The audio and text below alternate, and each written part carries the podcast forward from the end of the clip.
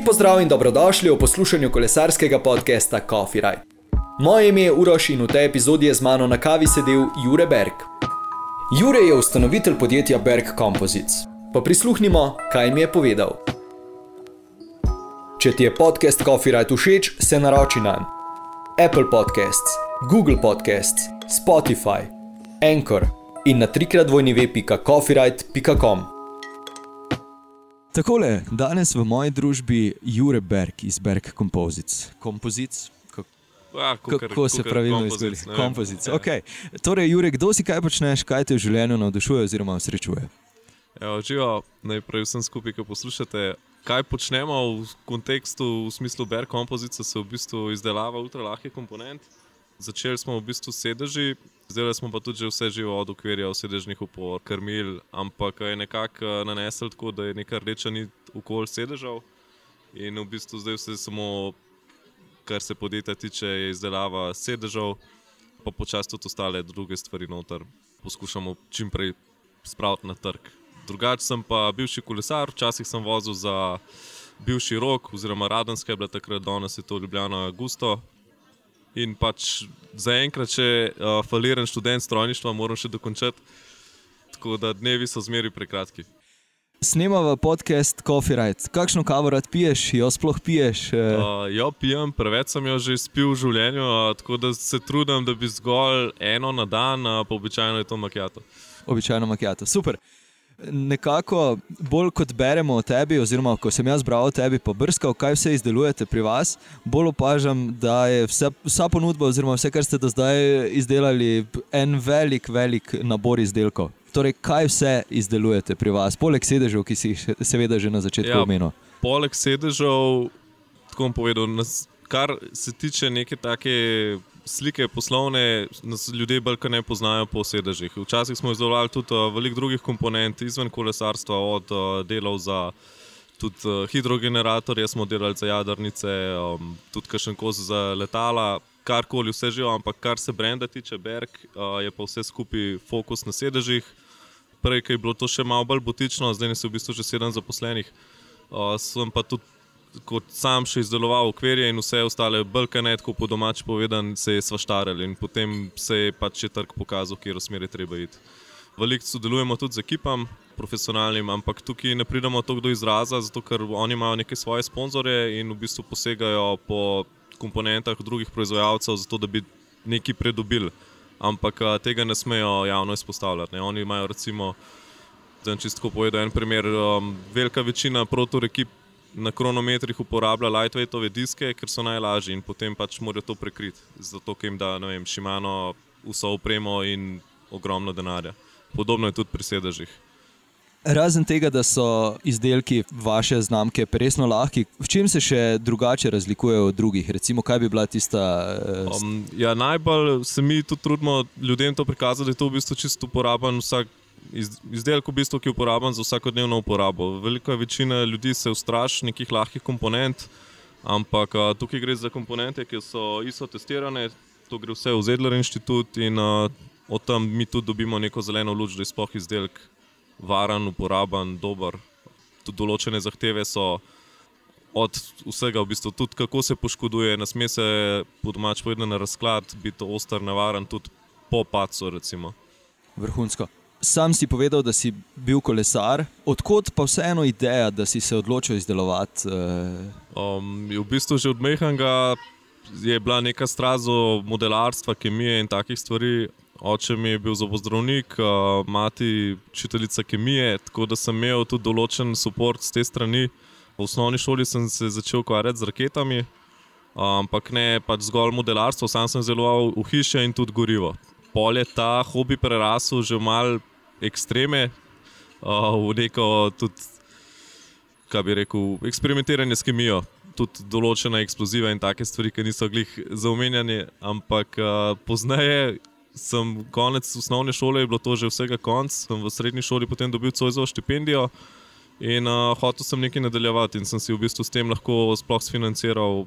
Prvo surovino in karbon je bila neka taka popolna tabu tema, in sem takrat začel se s tem ukvarjati. Balkane so bili prvi poskusi, vsi čist mim, ampak uh, se je to pol počasi razvil tekom uh, srednje šole. Eh, kako v bistvu sploh um, izbereš recimo, komponente za izdelavo tvojih izdelkov, oziroma kakšne so recimo temu razlike v karbonu? O, tega je ogromno. Ja, ogromno. Tega je v bistvu vsak malo večji proizvajalec karbona, tudi mačken po svoje, že samo tkanino označ, pa pa še vsi proizvajalci karbonskih komponent imajo neke interne oznake. Ne? Recimo, če smo v kolesarstvu, ne vem velika, veliko ukvirjev je, ki ima nekaj napise, UHM, HMTD, pa, pač to je samo ultra high modulus, to je znotraj tega ukvirja, je pa potem teh tkanin spet ogromno.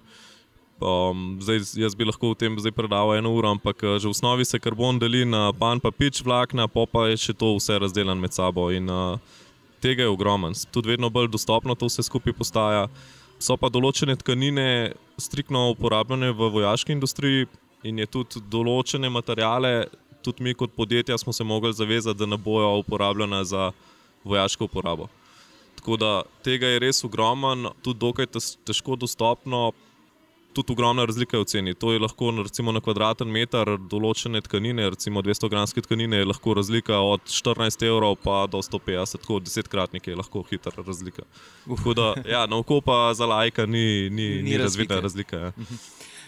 Okay bom nadaljeval mogoče z eno temo, ki jo boš lažje razložil. Torej, kaj stoji za poimenovanjem izdelkov? E, torej, hlod, lupina, list, rogla, dila, kosa. Oh, v bistvu, je vse skupaj se je začelo tako. Imeli smo samo en izdelek, ki je bil pač sedež, ki je bil sedel.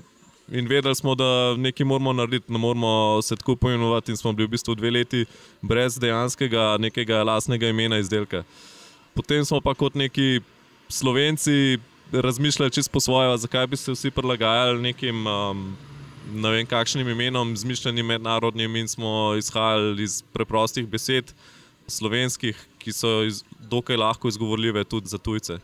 Večinoma mi še zmeraj prodamo tri četrtine ven iz Evrope. Tudi Evropa kot tak nam ni primaren trg.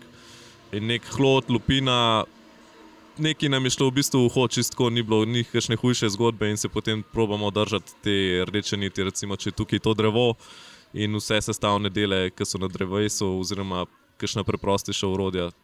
Tako, pa, da se lahko v bistvu vse skupaj, če se pogoogla ali pa išče po spletu, da ima neko unikatno ime.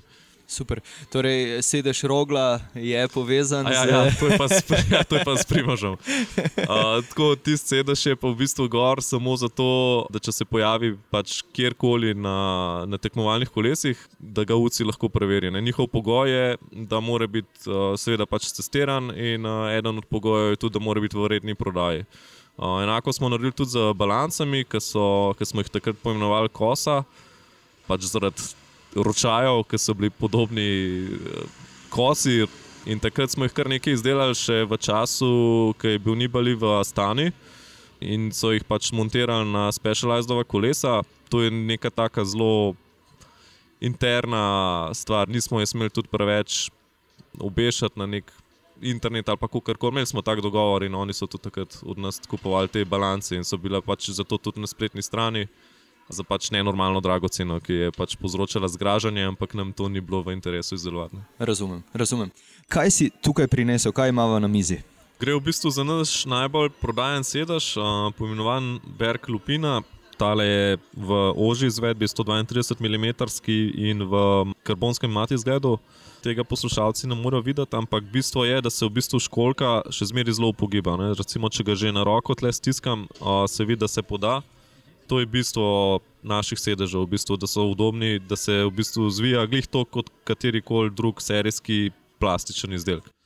Ostali proizvajalci so mogoče naredili neko tako sliko, da so karbonski sedeži povsem togi, ker so pač tudi res bili.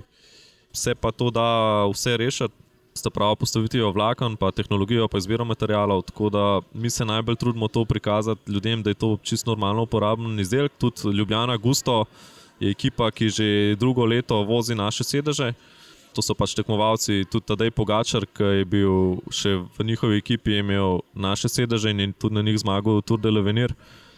Tako da ja, je čisto normalno uporabna zadeva. Mi se samo trudimo to ljudem prikazati.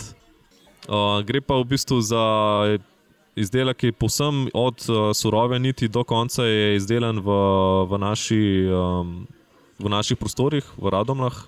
Imamo več različnih tehnologij, ki jih uporabljamo za svoje izdelke. Največ je pa to za infuzijo oziroma RTM, to je Resin Transfer Molding. Tu gre za v bistvu neke vrste ubrizgavanje smole v kalupe, kjer so že predhodno postavljene karbonske tkanine. Vse skupaj se potem obdeluje ročno, to spravi od brušanja, lakiranje in ja, to je potem v bistvu tle končni izdelek. Gre za dokaj uh, surov, še zmeraj izdelek, v smislu surov. Ne, zelo pomembno je, da ni preveč laka in takih malenkosti, ker so še zmeraj primarno naše stranke, ljudje, ki pač dejansko gledajo na vsak gram. Mi smo se tudi tako postavili na trgu, skušamo obdržati to rdečo nit, da je res vse čim lažje in uporabno. Pa recimo, koliko časa traja, da se v bistvu lahko sploh izdelek lansira, torej od zamisli do dejanskega produkta? Postopek je kar dolg. V firmi se običajno zafrkavamo, da je podobno kot pri otroku. Tako da hiter je en let od nekega nastanka do dejanske uresničitve, da gre lahko vse skupaj na trg. Tudi zelo pomembno je, da so stvari testirane, kar je spet odvisno od komponente. Vse skupaj mi pošiljamo na Zedler inštitut v Nemčiji. In zasedaš je to dokaj enostavno v primerjavi z okvirjem, kjer moraš poslati vsako velikost, več različnih okvirjev za različne testiranja, in to je že kar naenkrat, recimo, če pač delamo tudi na tem, da bi šli ven z okvirji, ampak je hitara, visoka številka, že tako je 10-15 okvirjev samo za namen testiranja. Um, E, tako da razumem, ni, kaj. je, kar, je kar zahteven. Kaj pravijo tekmovalci o tem, oziroma eh, kolesarji so navdušeni, kako sprejemajo eh, te stvari? Ja, tekmovalci so odvisen kdo, ampak tudi tisti, ki niso neki v narkovajih picajzli, slejko prej ugotovijo, da morajo pač na vse take malenkosti merkati. In um, se pač posega po takih komponentah. Um, nas so tudi doskrat povabili že gor v vetrovnik, sem bil parkrat na nizozemskem za Loto. Jumbo, takrat še ekipa, zdaj so Visma. Uh, in se trudijo tudi znotraj ekipe, ampak je največji problem še zmeraj so pač sponzorji, ki imajo mačken drugačen pogled in uh, veliko tekmovalcev ne omogočajo to, kar si želijo, uh, in morajo potem mačken tvegati in grejo pač po svoje. Prej si že omenil, pa tudi nekaj sem bral o razvoju okvirja za kolo.